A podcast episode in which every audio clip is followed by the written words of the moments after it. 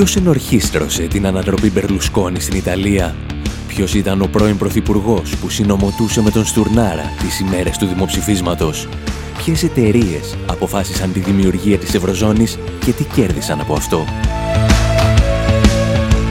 Οι δημιουργοί των ντοκιμαντέρ «Χρεοκρατία», «Καταστρόικα» και «Φασισμός ΑΕ» επιστρέφουν με μια νέα παραγωγή.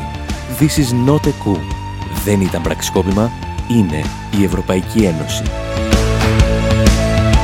Μάθε πώς μπορείς να βοηθήσεις και εσύ την ολοκλήρωση του ντοκιμαντέρ στη διεύθυνση infowarproductions.com Η διεύθυνση infopavlawar.gr Η εκπομπή Infowar με τον Άρη Χατζηστεφάνου.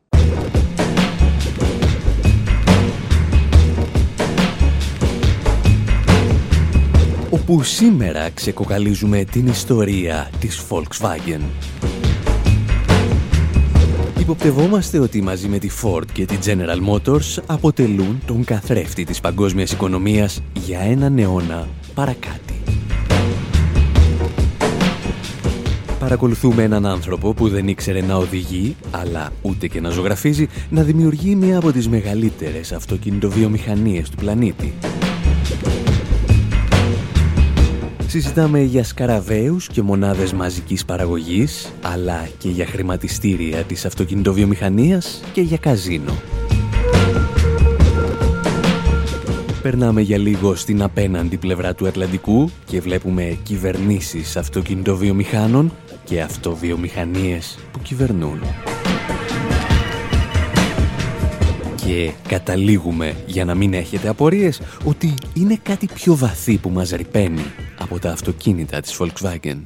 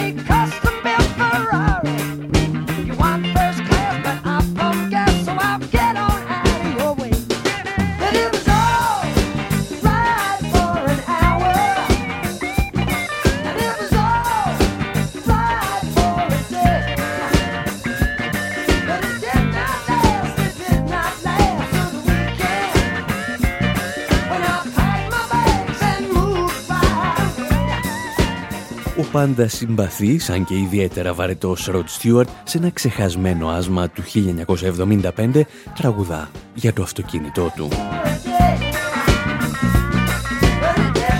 Υποπτεύομαι λέει ότι χρειαζόσουν κάποιον να σου ανοίγει όλες τις πόρτες, να έχει ένα μεγάλο λογαριασμό σε ελβετική τράπεζα και να σε συναρπάζει με κάθε του κίνηση. Εγώ όμως έχω ένα Volkswagen που δεν το λες ούτε αυτοσχέδια Ferrari. Γι' αυτό, καταλήγει ο συμπαθής τροβαδούρος, αυτή η σχέση ήταν καλή για μία ώρα και ίσως να ήταν καλή και για μία ημέρα. Αλλά δεν κράτησε ούτε μέχρι το Σαββατοκύριακο. Στα αμέσως επόμενα λεπτά εμείς θα υποστηρίξουμε ότι οι στίχοι του τραγουδιού θα μπορούσαν να περιγράψουν με σχετική ακρίβεια την αντιπαράθεση στο εσωτερικό του ναζιστικού κόμματος Γερμανίας όταν ο Χίτλερ τους πρότεινε να κατασκευάσουν ένα τόσο δα αυτοκινητάκι. Το μοντέλο που αργότερα θα γνωρίσουμε σαν τον σκαραβαίο της Volkswagen θα δούμε ότι πράγματι ένα Volkswagen δεν είναι μια αυτοσχέδια Ferrari, αλλά μια αυτοσχέδια Porsche. Και πως αυτή η σχέση μπορεί να διαλύθηκε το πρώτο Σαββατοκύριακο, αλλά το ζευγάρι τα ξαναβρήκε και έζησαν αυτοί καλά και εμείς όχι. Μια ιστορία που μας φέρνει σχεδόν έναν αιώνα πίσω.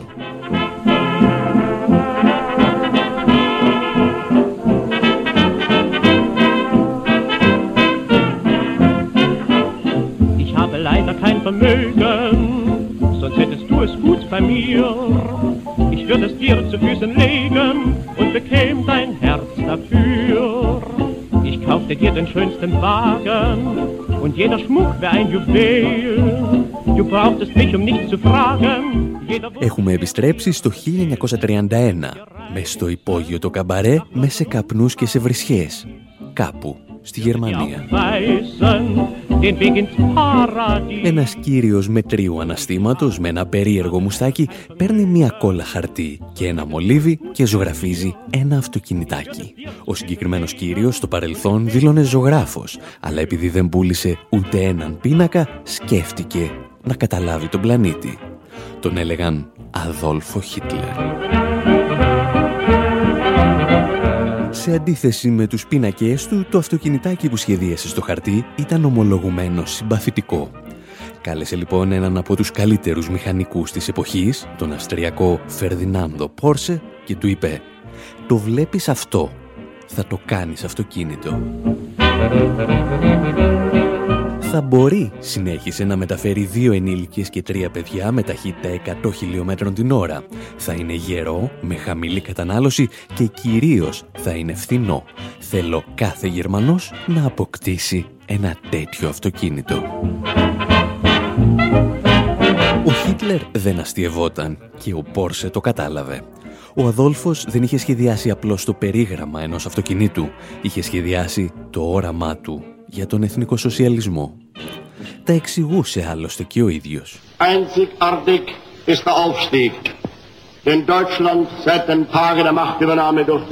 Η άνοδος της Γερμανίας ήταν εντυπωσιακή ύστερα από την ανάληψη της εξουσίας από τους εθνικοσοσιαλιστές. Η πιο εμφανής ένδειξη αυτής τη ανόδου είναι η ανάπτυξη της αυτοκινητοβιομηχανίας. Και τώρα θα επιτύχουμε και κάτι ακόμη. Το αυτοκίνητο δεν θα αποτελεί πλέον ένα όργανο που θα διχάζει τις τάξεις, αλλά ένα μέσο μεταφοράς για όλους τους ανθρώπους.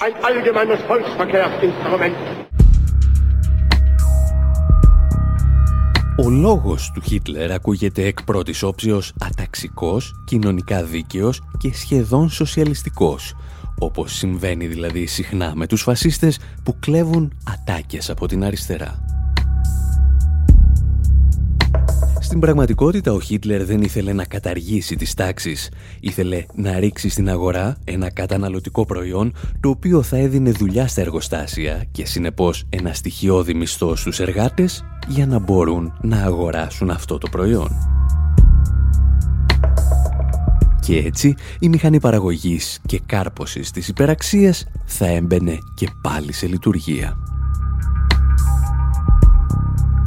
Ο Χίτλερ, όπως και ο Ρούσβελτ στην άλλη πλευρά του Ατλαντικού, είχαν λάβει την ίδια εντολή από τους βιομηχάνους της εποχής τους, να αναζωογονήσουν μια οικονομία που αδυνατούσε να πετύχει τους ρυθμούς ανάπτυξης που θα την κρατούσαν στη ζωή.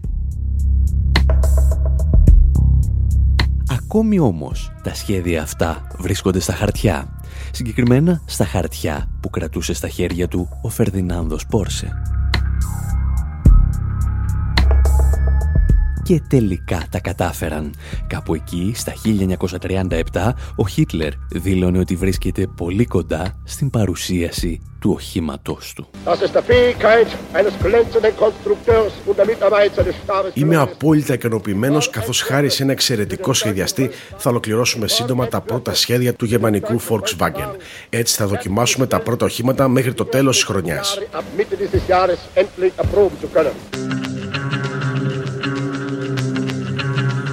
Τα πρωτότυπα που κατασκευάζονται εντυπωσιάζουν μηχανικούς και δημοσιογράφους από όλο τον κόσμο.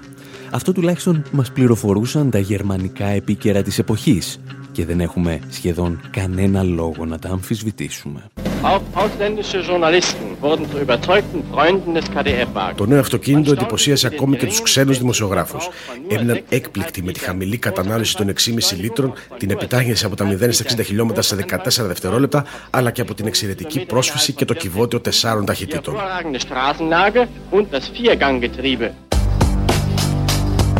Όλα τα προηγούμενα χρόνια τα αυτοκίνητα στη Γερμανία σχεδιάζονταν και κατασκευάζονταν για να ικανοποιούν τις ανώτερες τάξεις. Για την ακρίβεια, έναν στους 50 Γερμανούς που μπορούσαν να τα αγοράσουν. Ο Σκαραβαίος σχεδιάστηκε από τους πάνω για τους κάτω, ακολουθώντας μάλιστα ορισμένες πολύ συγκεκριμένες οδηγίες των πολιτικών της Γερμανίας. Νέο όχημα του λαού έπρεπε να είναι εύκολο στην επισκευή και να καταναλώνει λιγότερο από 7 λίτρα στα 100 χιλιόμετρα. Παρά το γεγονός ότι ήταν μικρό για τα δεδομένα της εποχής του, ο σχεδιασμός υπάκουε στην εντολή του Χίτλερ για την αδιέρετη γερμανική οικογένεια. Οι δύο γονείς μπροστά και θέσεις για τρία παιδιά πίσω. Καθώς οι περισσότεροι Γερμανοί εργάτες, έλεγε ο Χίτλερ, δεν διέθεταν γκαράζ, το αυτοκίνητο θα έμενε όλο το χρόνο στο ύπεθρο. Έπρεπε λοιπόν να εξευρεθεί ένας τρόπος ώστε να μην παγώνει το νερό στο ψυγείο. Ο κινητήρας έπρεπε να είναι αερόψυκτος. Και όλα αυτά να βγαίνουν σε χαμηλή τελική τιμή. Και εδώ βρίσκεται ίσως το μυστικό του σχεδίου. Η ιδιωτική βιομηχανία της Γερμανίας δεν ήταν σε θέση να κατασκευάσει ένα αυτοκίνητο για λιγότερα από χίλια μάρκα, όπως τη ζητούσε ο Χίτλερ. Η λύση λοιπόν ήταν να παρέμβει και πάλι το κράτος.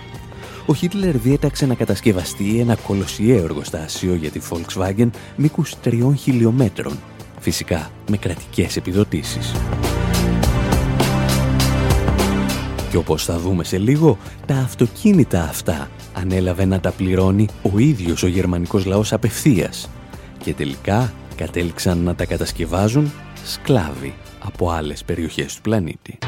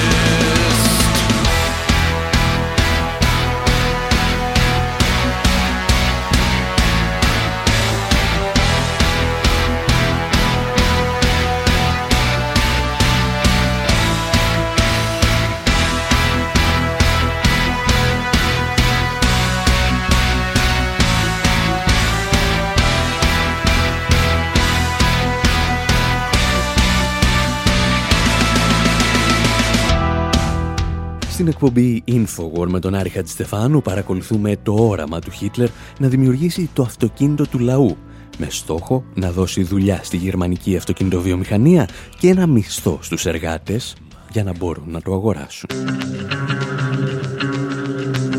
Επειδή όμως ούτε αυτό το σχέδιο δούλευε, αποφασίστηκε οι Γερμανοί πολίτες να αρχίσουν να πληρώνουν τον πρώτο σκαραβαίο που θα παραλάμβαναν με κουπόνια. Ύστερα όμως ήρθε ο πόλεμος. Bei der Kaserne vor dem großen Tor steht eine Laterne und steht sie noch davor. Da wollen wir uns wiedersehen. Bei der Laterne wollen wir stehen, wie einst Lili Marleen, wie einst Lili Marleen.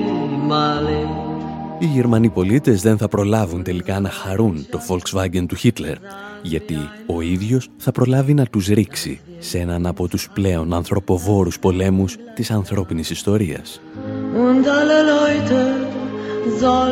Από την πλευρά της καπιταλιστικής ανάπτυξης, το σχέδιο του Χίτλερ για τον Σκαραβαίο ήταν σωστό, αλλά λίγο για το μέγεθος της οικονομικής κρίσης που αντιμετώπιζε η Γερμανία.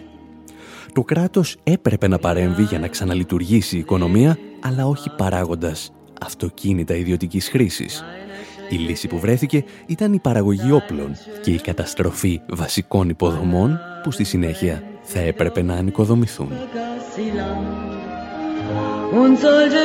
Και επειδή ο πόλεμος είναι συνέχεια της οικονομίας με άλλα μέσα, τα εργοστάσια της Volkswagen θα δείξουν τι σημαίνει και πρωταρχική συσσόρευση κεφαλαίου.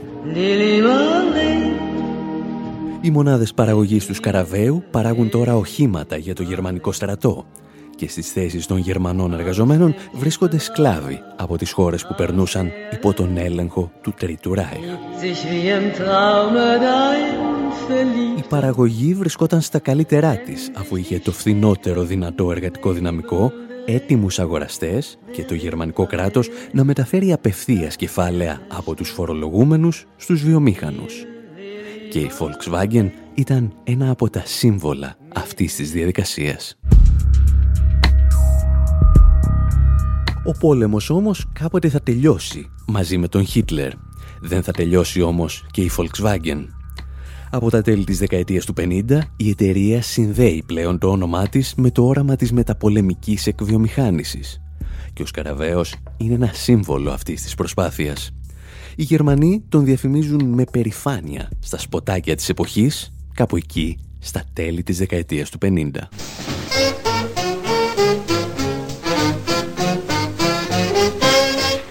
Mein Volkswagen hat noch ganz andere. Na nu, na hören Sie mal, bei Ihnen riecht aber verdammt. Mensch, ich schrei Brötchen.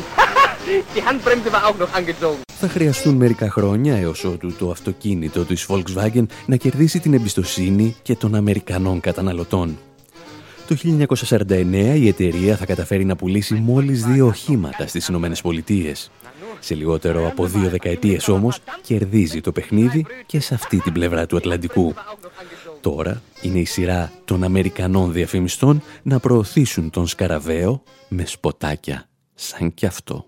Listen, my children, and you shall hear of the midnight rides of Paul Revere. He lives in New Jersey and each night drives afar. So in 66 he bought a new economy car. And for 88,000 miles he recorded each expense to determine his cost per mile to the very last pence. And then, because that amount came out ever so good news with his now famous call. Η Volkswagen περνά με επιτυχία από τον ναζισμό στον καπιταλισμό Το οποίο δεν είναι και τόσο δύσκολο, αφού, όπως έχουμε εξηγήσει, το πρώτο είναι απλώς μια φάση του δεύτερου. Το σημαντικό όμως είναι ότι η εταιρεία γίνεται πλέον συνώνυμο της ίδιας της γερμανικής οικονομίας. Οι Γερμανοί βιομήχανοι, οι εργάτες, οι συνδικαλιστές και οι καταναλωτές συνδέουν τη μοίρα τους με τη Volkswagen στον τρόπο που διοικείται η εταιρεία, στον τρόπο με τον οποίο παράγει και πουλά τα αυτοκίνητά της, αντικατοπτρίζονται σε σημαντικό βαθμό οι σχέσεις παραγωγής του γερμανικού κράτους. Εσείς πάλι μένετε εδώ, γιατί η ιστορία μας συνεχίζεται ύστερα από ένα μικρό διάλειμμα θέλουμε να δούμε τις αυτοκινητοβιομηχανίες και στις Ηνωμένες Πολιτείες και πώς αυτές σχετίζονται με την παγκόσμια οικονομία. Κυρίως όμως να καταλάβουμε πώς καταλήξαμε στο σκάνδαλο με τους ρήπους της Volkswagen. Και όσο διαρκεί το μικρό μας διάλειμμα, μπορείτε να ρίξετε και μία ματιά στη σελίδα μας info.pavlawar.gr Εκεί όπου έχουμε και άλλες ιστορίες να σας πούμε. Εκεί από που μπορείτε να κατεβάσετε παλιές εκπομπές από το Infowar. Uh-huh, uh-huh, uh-huh.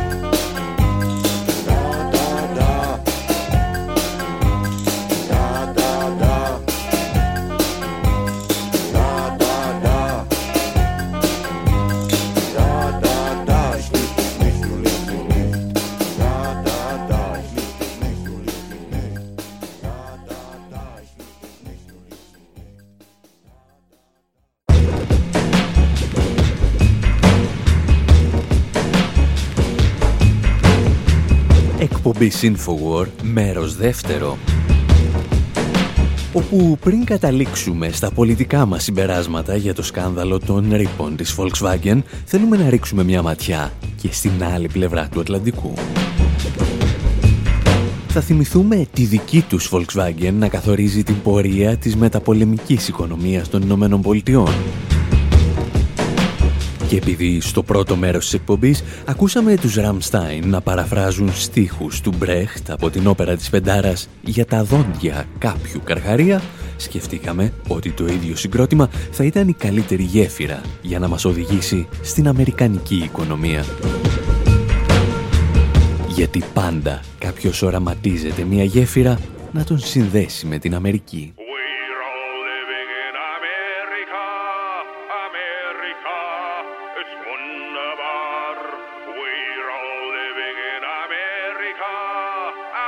America, America. We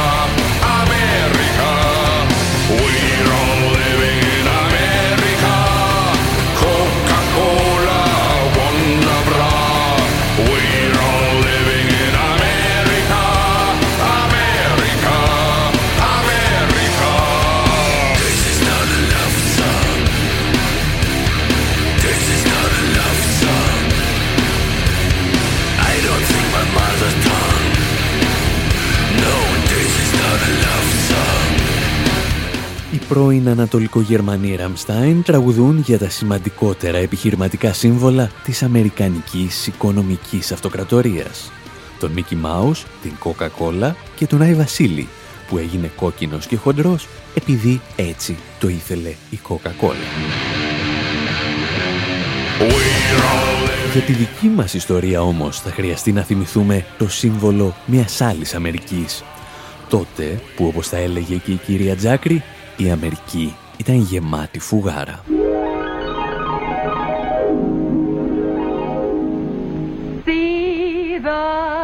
USA in your Chevrolet. America is asking you to call. Drive your Chevrolet through the USA. America's the greatest land of all. On a highway or a road along a levee. Performance is sweeter, nothing can beat her. Life is completer in a Chevy. So make a date today to see the USA. See it in your Chevrolet. Βρισκόμαστε στο 1953 και η Dina Shore τραγουδά See the USA in your Chevrolet. Δες στην Αμερική μέσα από τις Ευρωλές σου. Τραγουδά για την τελευταία εκείνη την εποχή διαφημιστική καμπάνια της General Motors. Θα μπορούσε να είναι ένα ακόμη διαφημιστικό σλόγκαν, αλλά είναι κάτι περισσότερο. Οι στίχοι του τραγουδιού είναι η πεμπτουσία της μεταπολεμικής οικονομίας των Ηνωμένων Πολιτειών.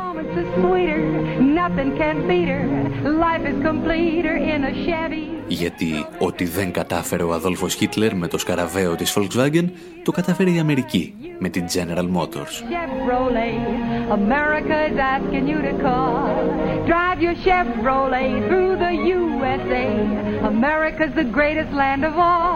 Το μεταπολεμικό οικονομικό θαύμα των Ηνωμένων Πολιτειών θα στηριχθεί σε σημαντικό βαθμό στη βιομηχανική παραγωγή ιδιωτικής χρήσης αυτοκινήτων. Και η Ουάσιγκτον δεν είναι αχάριστη. Dwight D. Eisenhower, sincere and vigorous, a man in any cloth, soldier, educator or statesman. Αν θυμάστε, βρισκόμαστε στο 1953 και όπως μας ενημερώνουν τα αμερικανικά επίκαιρα, πρόεδρος των Ηνωμένων Πολιτειών αναλαμβάνει ο Dwight Eisenhower, ο στρατηγός του Δευτέρου Παγκοσμίου Πολέμου. Μόλις αναλαμβάνει τα καθήκοντά του, καλείται φυσικά να επιλέξει τον νέο Υπουργό Άμυνας και διαλέγει τον πρόεδρο της General Motors, τον Charles Irwin Wilson.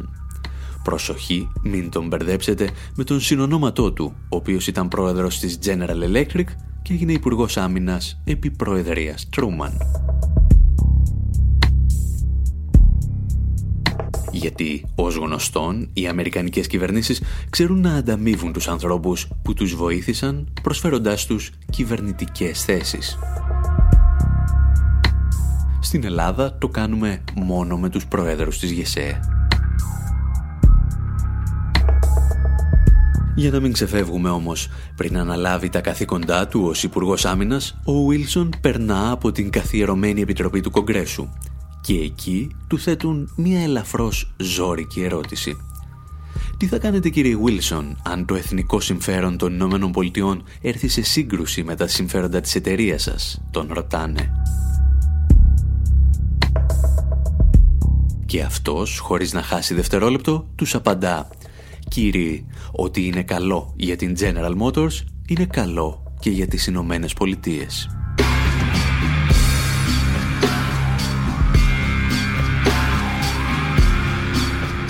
Παραδόξως, ο κύριος Wilson έχει απόλυτο δίκιο, γιατί η General Motors, όπως είπαμε, δεν είναι απλώς μια εταιρεία. Είναι το σύμβολο της φιλελεύθερης οικονομικής ανάπτυξης μετά το Δεύτερο Παγκόσμιο Πόλεμο. Είναι το σύμβολο των λαμπρότερων ημερών που θα ζήσει η οικονομία της Δύσης μετά τη βιομηχανική επανάσταση. Ούτως ή άλλως ήταν οι αυτοκινητοβιομηχανίες που έδιναν πάντα το στίγμα της παραγωγής αλλά και της κατανάλωσης στα τελευταία οικονομικά συστήματα που γνώρισε η ανθρωπότητα. There's one car that takes you anywhere you want to go. The Model T. Here's how they put them together at the Highland Park plant. Οι αλυσίδες παραγωγής που χρησιμοποιούσε η Ford για το μοντέλο TAF, όπως μας εξηγούσε ένα σπάνιο διαφημιστικό της δεκαετίας του 20, μας έδωσαν τον φορντισμό. Αργότερα, όταν η Toyota προτείνει ένα νέο μοντέλο με αυτόνομα τμήματα παραγωγής και συλλογική ευθύνη των υπαλλήλων, αποκτούμε τον τογιωτισμό και ούτω καθεξής. Η Αμερική του 50 και του 60 λοιπόν δημιουργεί το μικροαστικό όνειρο της απόκτησης ενός αυτοκινήτου. Και αυτό το όνειρο γίνεται κινητήρια δύναμη της ανάπτυξης. Οι εργαζόμενοι πρέπει να έχουν χρήματα για να μπορούν να αγοράζουν τα αυτοκίνητα που βλέπουν στις διαφημίσεις. All the stories I wrote were true because I believed in what I saw. I was traveling west one time at the junction of the state line of Colorado. It's arid western one Όλα χωράνε πλέον σε ένα μεταλλικό αμάξωμα με τέσσερις ρόδες. Ακόμη και ο αντικομφορμισμός της Αμερικής θα χωρέσει μέσα σε αυτό το μεταλλικό κουτί. Ο Τζακ Κέρουακ, τον οποίο ακούμε εδώ, θα προσπαθήσει να αμφισβητήσει το αμερικανικό όνειρο μέσα στα αυτοκίνητα της General Motors.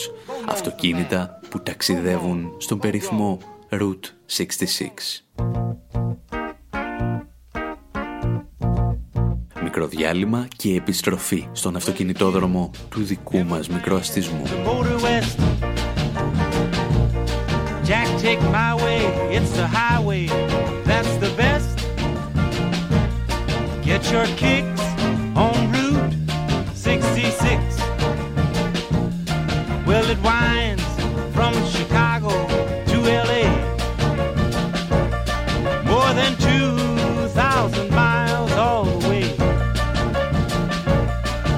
Your kicks on Route 66.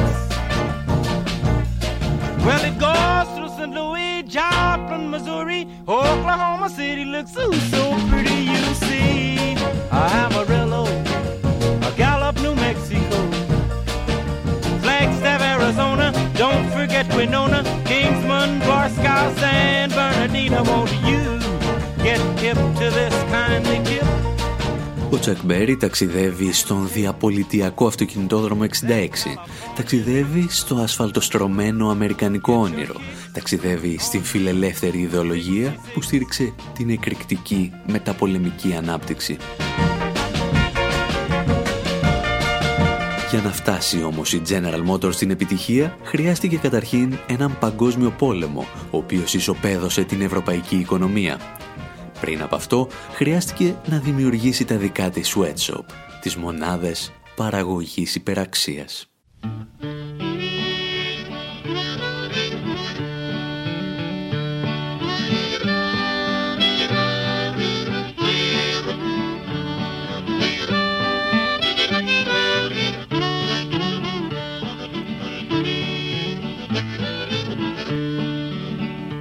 Have you seen that vigilante man? Have you seen that vigilante man? Ο Woody Guthrie αναρωτιέται εάν έχεις δει τον Vigilante Man.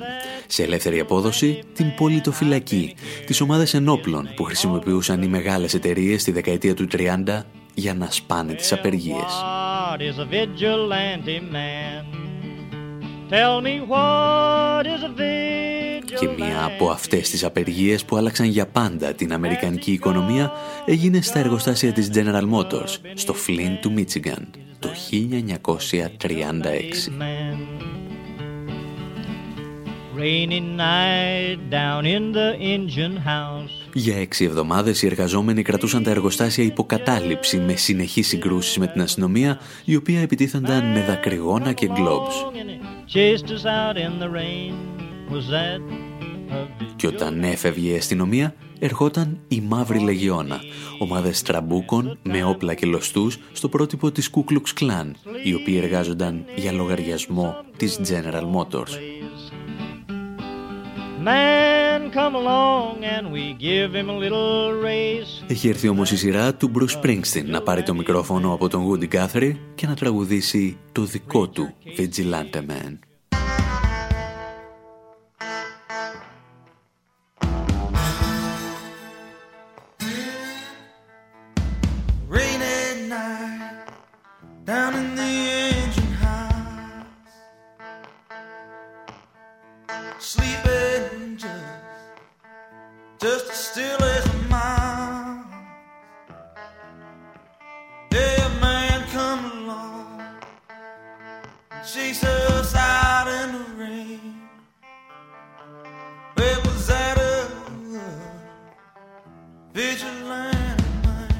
Οι εργαζόμενοι στη General Motors θα κερδίσουν τελικά την απεργία και θα αλλάξουν για πάντα τις εργασιακές σχέσεις στις Ηνωμένες Πολιτείες.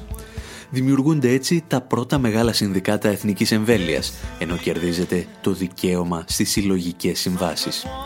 Δικαίωμα το οποίο οι εργαζόμενοι στις Ηνωμένες Πολιτείες καλούνται σήμερα να διεκδικήσουν και πάλι από τον πρόεδρο Ομπάμα.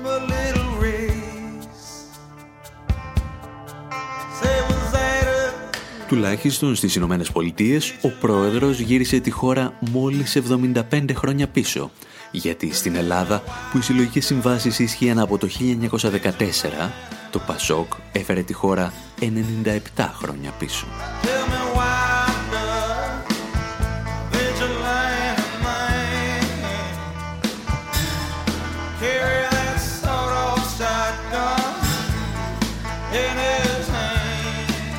Η General Motors λοιπόν θα συνδέσει το όνομά της με την πορεία της αμερικανικής οικονομίας αλλά και του εργατικού κινήματος στις Ηνωμένες Πολιτείες για σχεδόν έναν αιώνα.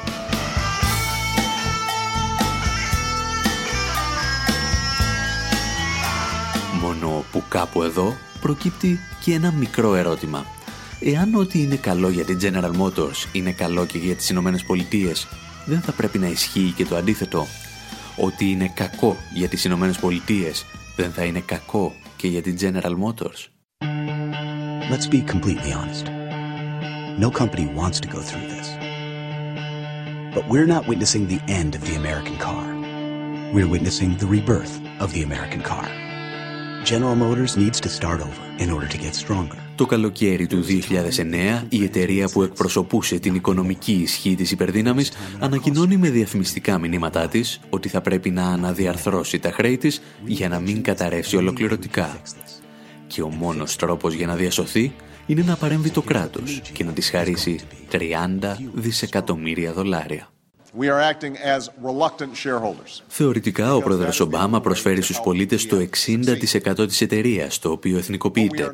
Πρακτικά, οι φορολογούμενοι για άλλη μια φορά εθνικοποιούν τις ζημιές και ιδιωτικοποιούν τα κέρδη.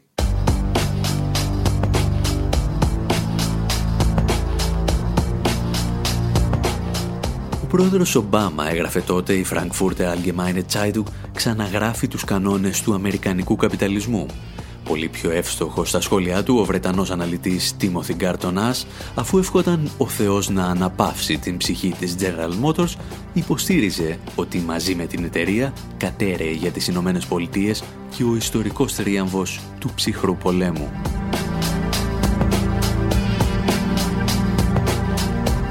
Πιο απλά, ο Τίμωθη Γκάρτονας έλεγε ευγενικά στην Ουάσιγκτον ότι εκείνες τις εξυπνάδες για το τέλος της ιστορίας και την απόλυτη κυριαρχία του οικονομικού του συστήματος καλά θα έκαναν να τις ξεχάσουν.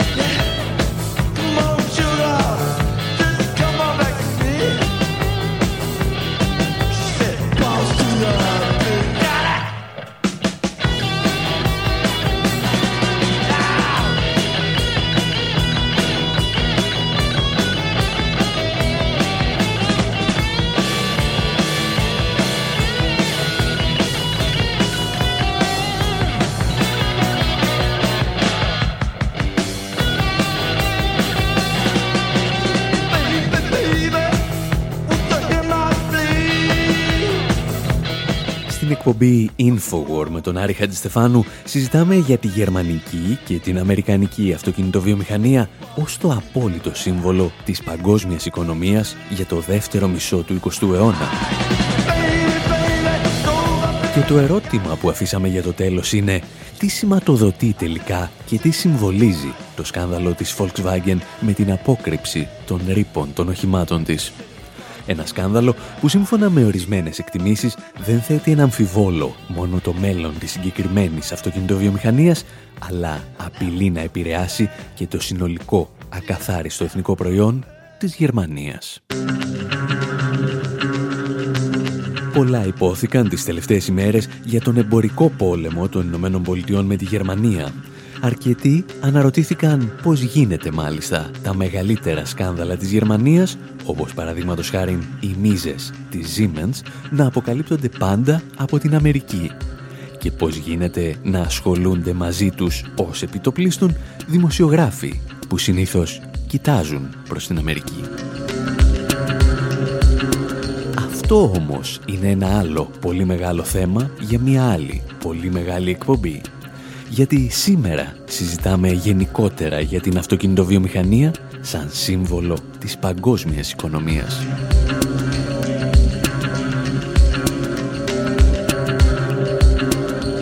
Αρκετοί από τους επικριτές της Volkswagen εστίασαν την κριτική τους στην περιβαλλοντική πτυχή του ζητήματος.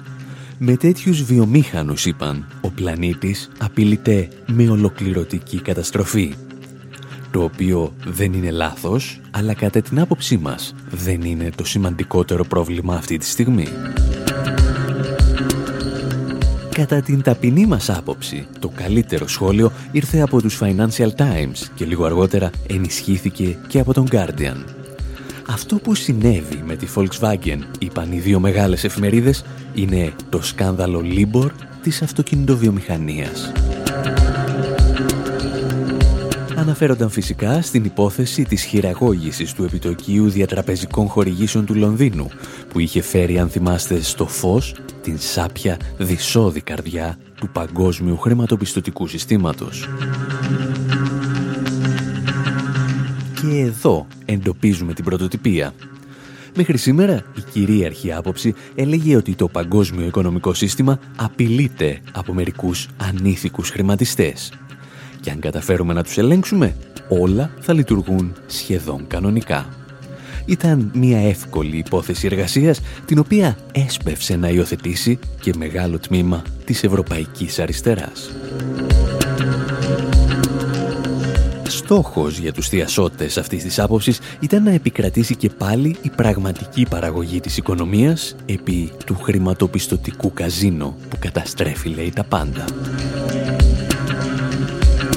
Το σκάνδαλο της Volkswagen όμως αποδεικνύει ότι αυτή η διαίρεση χρηματοπιστωτικού τομέα και πραγματικής οικονομίας είναι σε σημαντικό βαθμό ένα θεωρητικό κατασκεύασμα. Το παιχνίδι είναι εξίσου βρώμικο σε όλα τα επίπεδα και το Libor της αυτοκινητοβιομηχανίας είναι μια πρώτη απόδειξη. Το πρόβλημα βρίσκεται στον καπιταλισμό, κυρίες και κύριοι.